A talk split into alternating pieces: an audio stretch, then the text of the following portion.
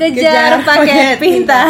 Saking lamanya sampai udah lupa Judul Jangan-jangan pendengar juga kira kita udah mati. Udah hampir mati sih Hampir mati ke tenggelam dalam kesibukan kehidupan eh, ya. kehidupan. Oke, tapi Episode tunggu. Intinya eh, Laila sama Dara masih hidup Masih ya. hidup. Kejar Paket Pintar masih ada. Masih ada. Eh, kita punya rencana, kita punya banyak rencana kok ya untuk episode-episode ke depan. Mm, mm, mm, mm. Ya, dan hari ini kita rekaman di sebuah restoran, jadi nggak sesunyi biasanya ya. Betul Uh, uh, mungkin kalau ada suara-suara pelayan, suara-suara makan ya udah. Suara-suara piring Suara-suara piring, ha maklumin aja. Hari ini kita mau ngebahas apa nih, Dar? Buku Buku.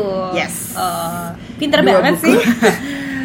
Karena eh, gosipnya Bukan gosipnya ya Kita eh, Udah tahu udah fakta tahu sih. faktanya Dua buku ini mau dijadikan film Iya. ya dua buku ini menarik lah gitu jadi kita pengen ngebahas Mm-mm. eh, ya tentang Tentang si buku ini ya. gitu Dua buku ini adalah buku lokal ya. Betul. Yang yang satu adalah Aruna dan Lidahnya karya Laksmi Pamuncak. Dan yang Satu satu, lagi lagi, adalah- adalah, eh, seperti dendam rindu harus dibayar tuntas karyanya Eka Kurniawan Eh, dua-duanya buku terbitan 2014 dan Oh, iya, betul, betul, betul. dan dua-duanya akan diproduksi oleh eh, Palari Films. Palari Films ini adalah pro- production Hmm. house baru yang kemarin membuat film posesif. dan posesif itu oke loh Oke dong.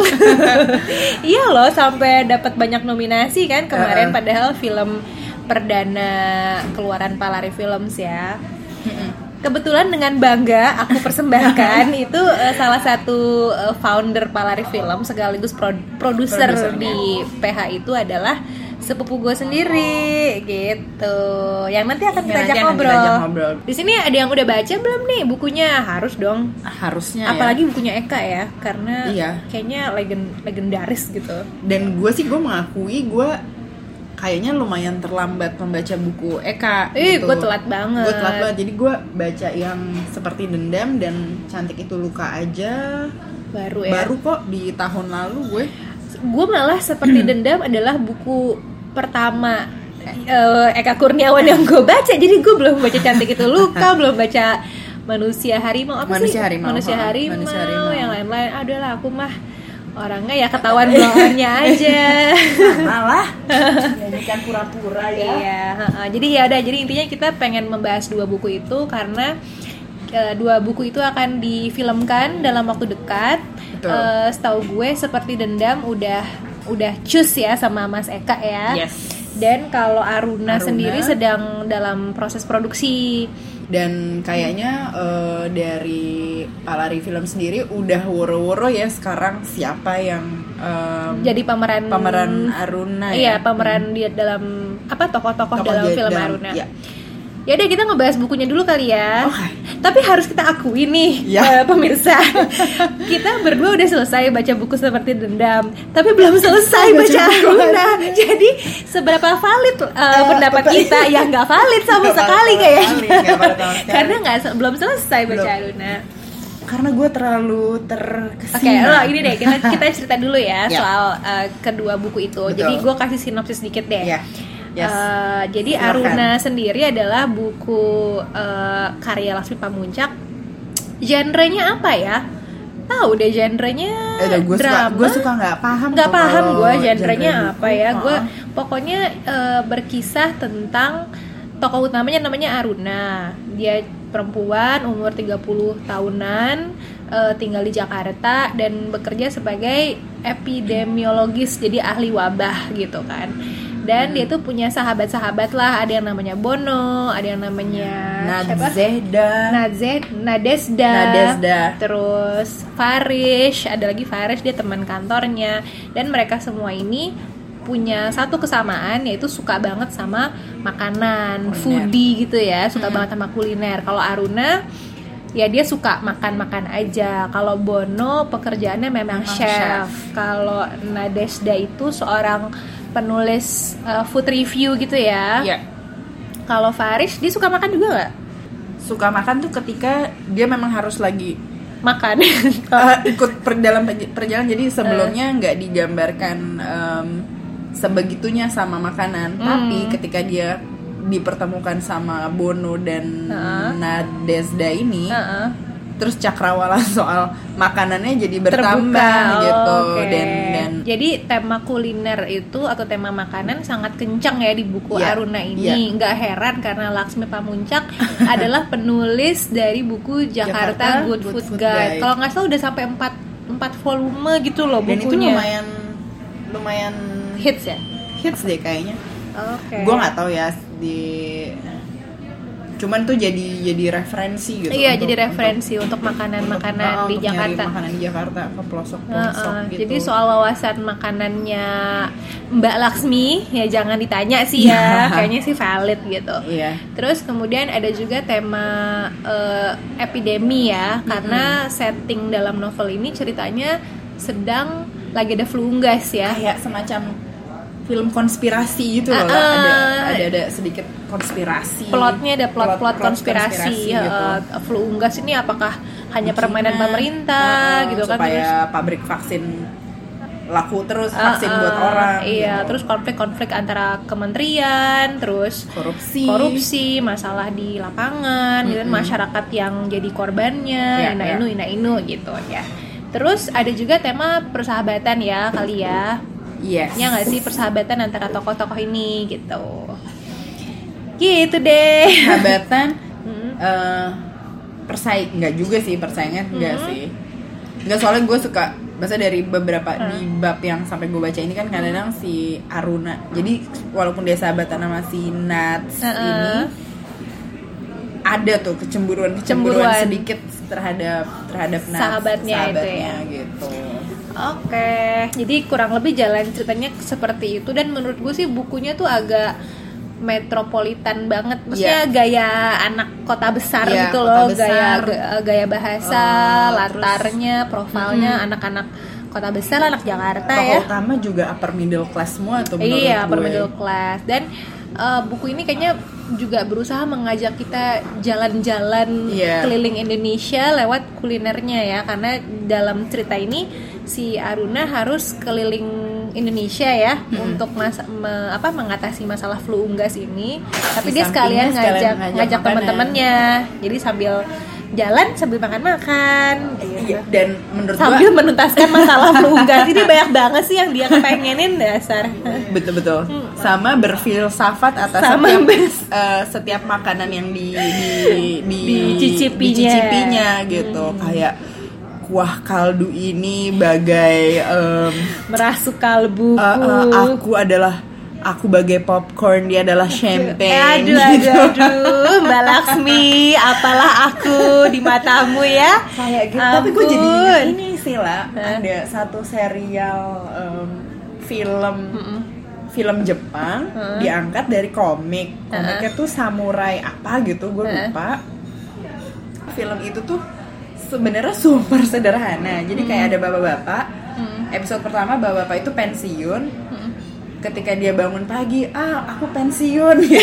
hari ini aku bisa ngapain aja gitu kan Happy-nya. happy aku pengen makan ramen nah begitu makan ramen ramennya cuman ramen biasa aja gitu Eh. kayak eh, tapi digambarinnya tuh Heboh, heboh banget walaupun gak kayak film apa Born sih zaman dulu tuh Born to Born Cook. Cook kan yang kayak Iya. keluar Enak.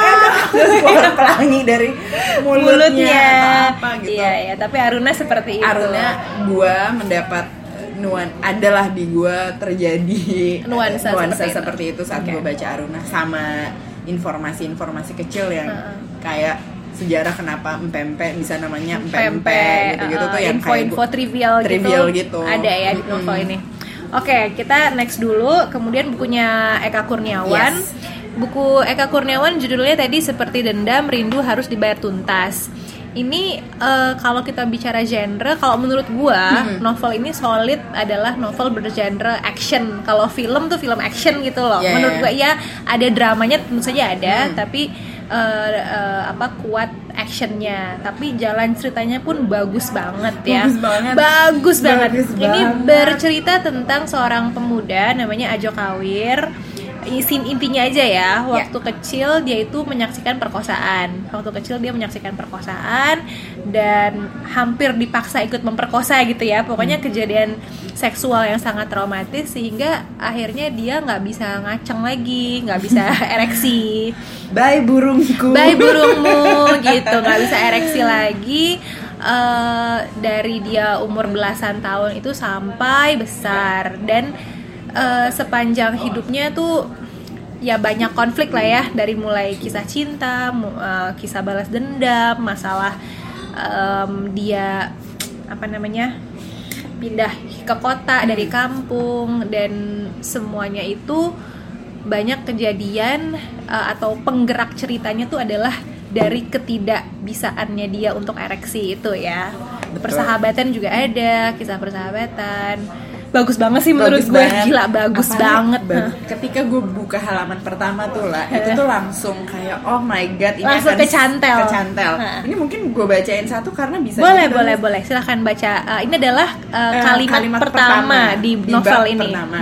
Gitu kayak eh, dia bilang em, hanya orang yang nggak bisa ngajang bisa berkelahi tanpa takut mati titik itu loh dan itu adalah kutipan ya kutipan, dari, dari tok- salah satu tokoh salah tokoh ada di situ dan itu bener banget Dan Menurut- itu bener banget. menurut gue bener banget karena memang ya misalnya kalau sotoy-sotoy so, Heeh. psikologi atau apa kan ketika orang import itu Impoten, impoten kan heeh. itu kan frustrasi Nothing kan tulus ya, jadi. frustrasi gitu bahwa kesannya kok dia nggak kayak nggak berguna nggak Iya. ada nggak ada apa ya nggak Nggak- ada satu dirinya tuh yang Hilang ya. cacat aja gitu dan dan itu bisa kemudian ber apa namanya bermanifestasi ke, Ke emosi, emosi yang, yang luar, biasa. luar biasa. Jadi memang diceritakan di novel ini tokoh Ajo Kawir ini violentnya minta ampun ya. Dari kecil dia memang suka berantem, tapi kemudian sejak nggak bisa ngaceng Makin, emosinya kan? makin emosi Makin. gitu. Apa makin hobi berantem makin nggak nggak takut bunuh orang. Pokoknya bagus di novelnya. Ya bisa uh, aduh. Bahwa nuansa emosi setiap karakter yang ada di situ kisah cinta itu gue sampai keikut baper ya? Ikut baper. Heeh.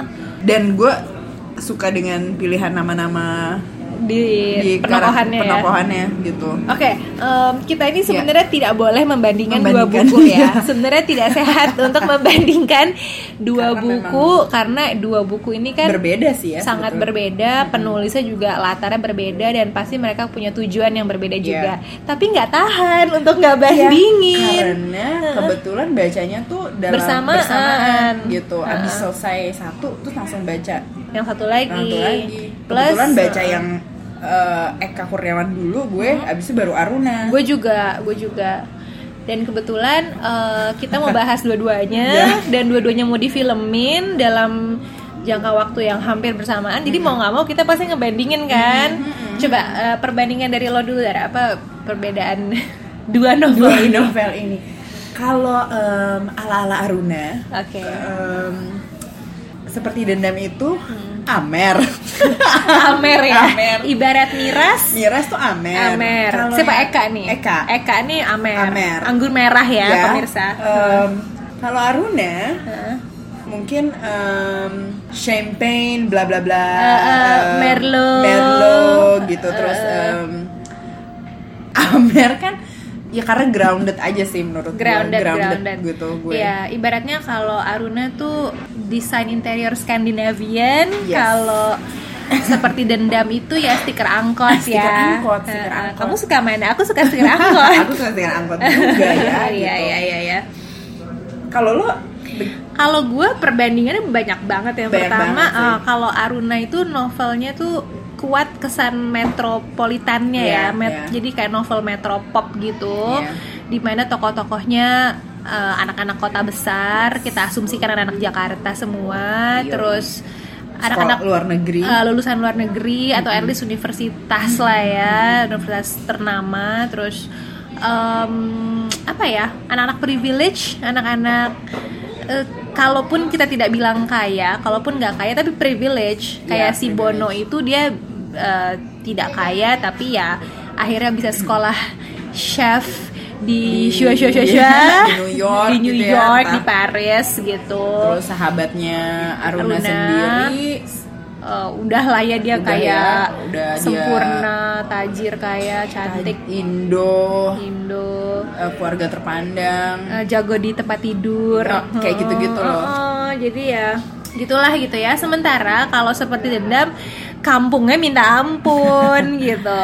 Settingnya tuh Iya. kampung sekampung-kampungnya sih menurut Iya. gue. Heeh. Padahal kalau ngeliat kehidupan kita sehari-hari mungkin irisannya lebih banyak ke gengnya Aruna ya. Iya, gue sama Dara ya. Jangan-jangan ya, lo itu itu lucunya sih maksud gue ya gue sama Dara lebih dekat dengan lingkungan Dengan lingkungannya upper middle upper class, middle class dibanding- di perkotaan dibanding kampung, Kampung. tapi kita lebih enjoy membaca uh, portrayal kehidupan orang kampung Betul, ini betul. gitu bukan karena ini ya maksud gue memang si eh, Eka Kurniawan tuh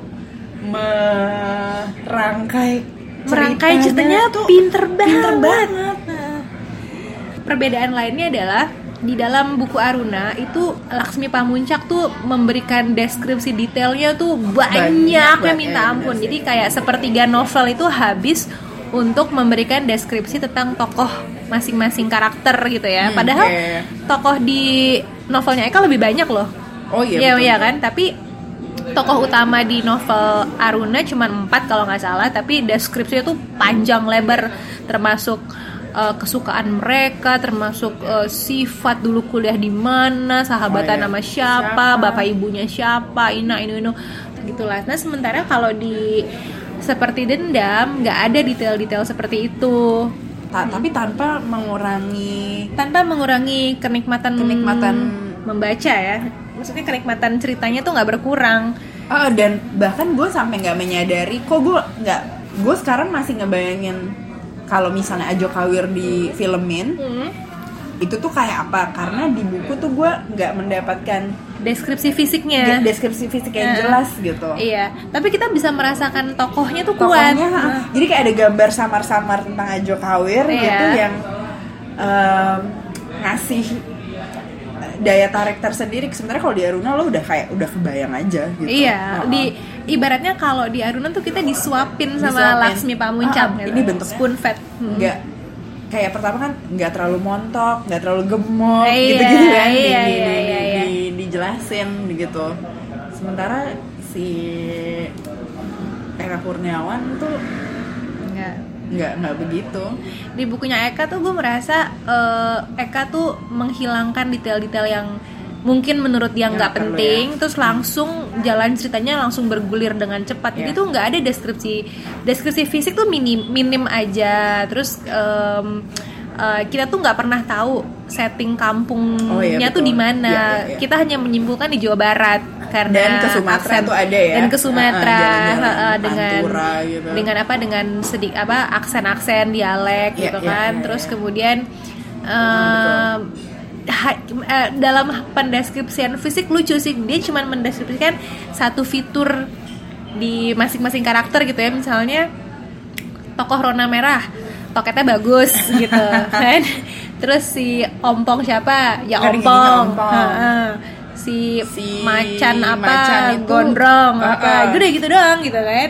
Tadi sempat sebelum kita mulai rekaman gue bilang sama Laila ada satu karakter namanya Iteng tapi or- orang tua manggilnya papa mama Papa mama. perasaan gue tuh kayak gue ya kok kayaknya nggak cocok ya Eh, ya ketika Iteng itu memanggil papa mama gitu sebenarnya eta teh si Neng Iteng Ah, gitu kesannya di kampung. saya abah gitu kan tapi iya, iya, iya. entah ini disengaja emang lawakannya Eka apa uh, uh, apa gitu. mau menyentil kami kami yang ada di lingkungan perkotaan Kota. ini kesannya Iya. kalau di kampung nggak boleh manggil papa. Iya iya gitu iya ya. iya. Daddy ya, Ah, papa mami mama hanya milik orang kota? Kan enggak kan ya. enggak. Dia memanggil dia Daddy? Dia daddy, boleh juga. mommy, gitu kan. terserah. Apalagi dan menurut lo? Em, kita boleh cerita Boleh, yang dipilih eh, pemain Aruna siapa? Oh kita kita boleh ya Edi boleh kan boleh. Oh, jadi eh, menurut informan informasi. informa- informasinya adalah pokoknya di Aruna yang menjadi Aruna adalah Dian Sastrowardoyo. Sastrowardoyo. Terus di film itu juga katanya melibatkan Nikola Saputra, Hana Al Rashid. Eh, Jadi gitu kebayang kan. Heeh. apa itu? Gue Kebayang pengen aja. nyela. Eh, Hmm. apa ya? Klise. ya nggak tahu ya maaf ya Mbak Dian aduh mungkin Mbak Dian cocok mungkin kita kan sotoy aja ya Gue kebayang kayak film Arisan dulu kali ya. Iya, tapi Iya, kalau dulu film Arisan Arisan tuh lebih seger lebih karena seger kan? eh, karena kita Arisan tuh tokoh-tokohnya baru dulu Tora Sudiro belum terkenal. Dulu Iya, iya. banyak yang belum terkenal kecuali Cut Mini kan. Dan Arisan tuh dulu menurut gue topiknya lebih fresh. Topiknya lebih fresh. Soal ya gue belum. gay. Ya gue belum banyak terpapar tuh soal. Heeh. Itu tuh zaman kita ku. kuliah, Kuliah ya. ya? Heeh.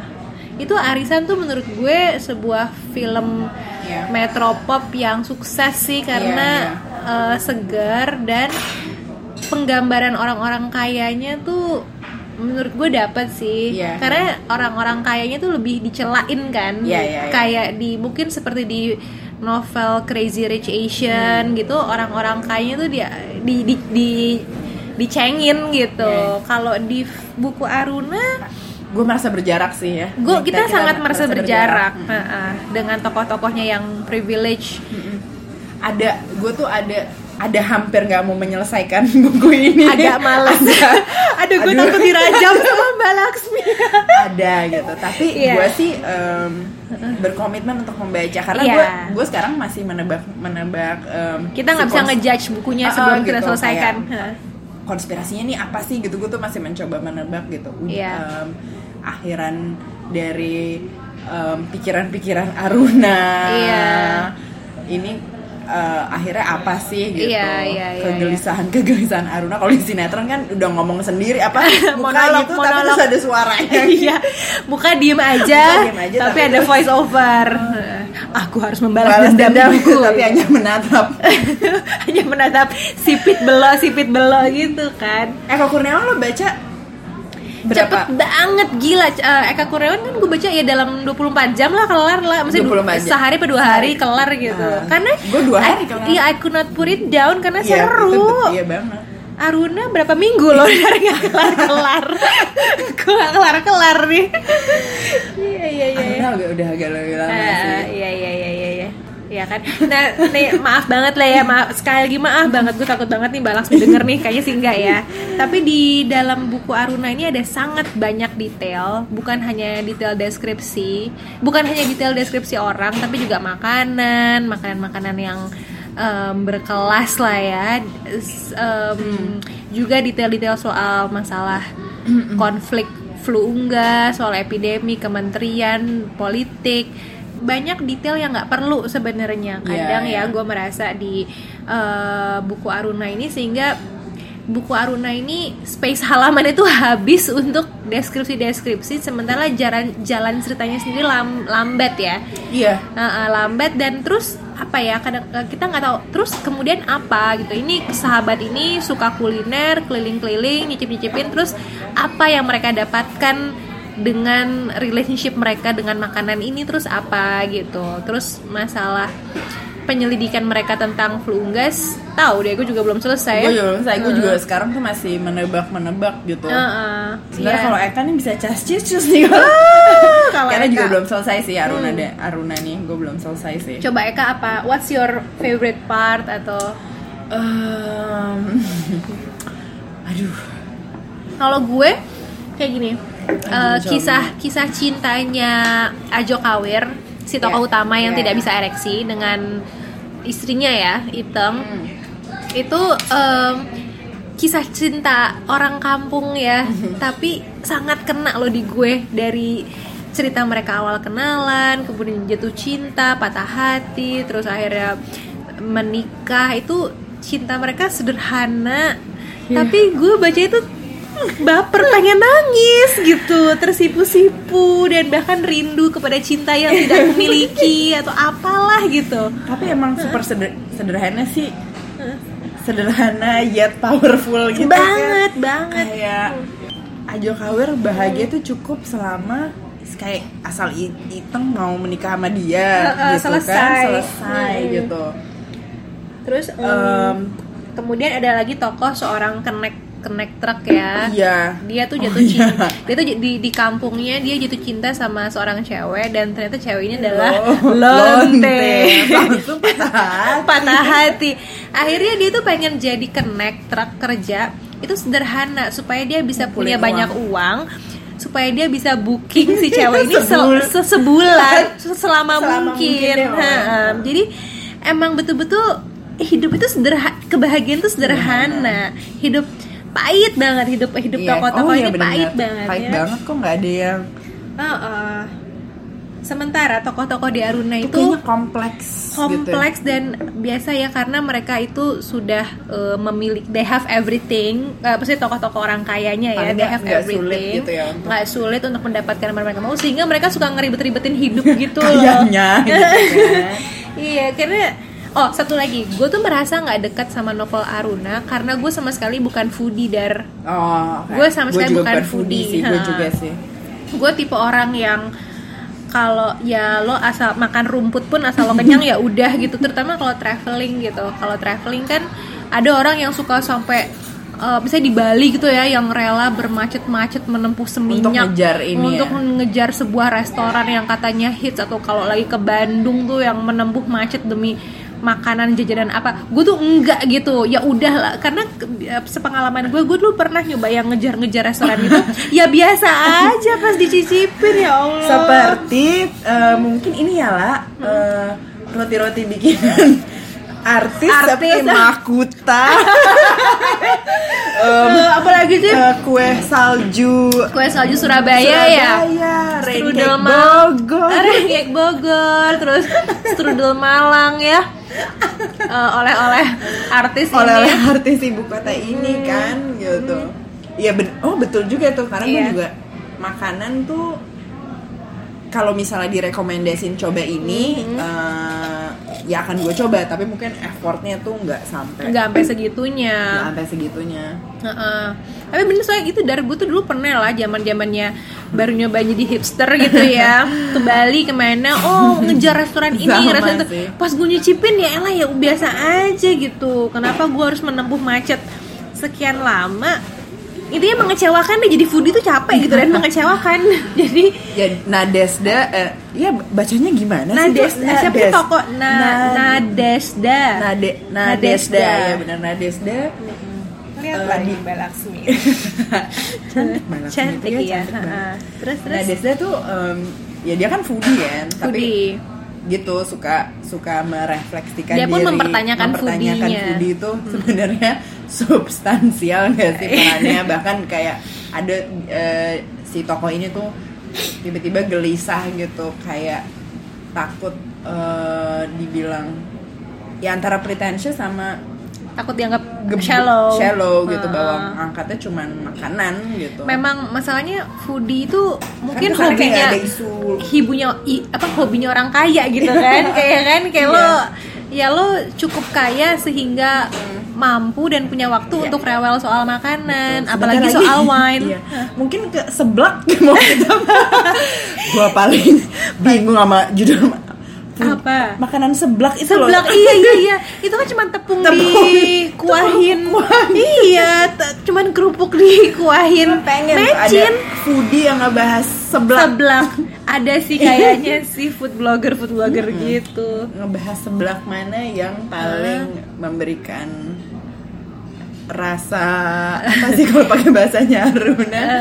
Em, yang ada dramatis lah ya Dramatis gitu. Oh soal gaya bahasa tadi kita juga ngebahas Oh, ya iya, perbedaannya. Jadi kalau di bukunya Eka Kurniawan gaya bahasanya itu eh, stabil dari awal sampai akhir dan sederhana aja gitu ya. Maksudnya nggak ada nggak ada pretensi lah. Eh, Kalau kalau buku Aruna gue akuin gaya bahasanya untuk untuk setting kota oke lah ya gitu. Nggak kaku oke. Tapi ada ketidak konsistenan gitu. Jadi em, antara gaya gaya bahasa metropolitan gaya gaya bahasa metropop tapi kadang Mbak Laksmi suka menyelipkan puitis-puitisnya gitu kan Mungkin karena dia menulis puisi adalah yang pertama dia tulis kayaknya ya. Iya, mungkin karena dia berangkat dari penulis puisi seperti misalnya coba aku mencari dalam buku ini Gulai tentang kan gulai. soal gulai soal pagi.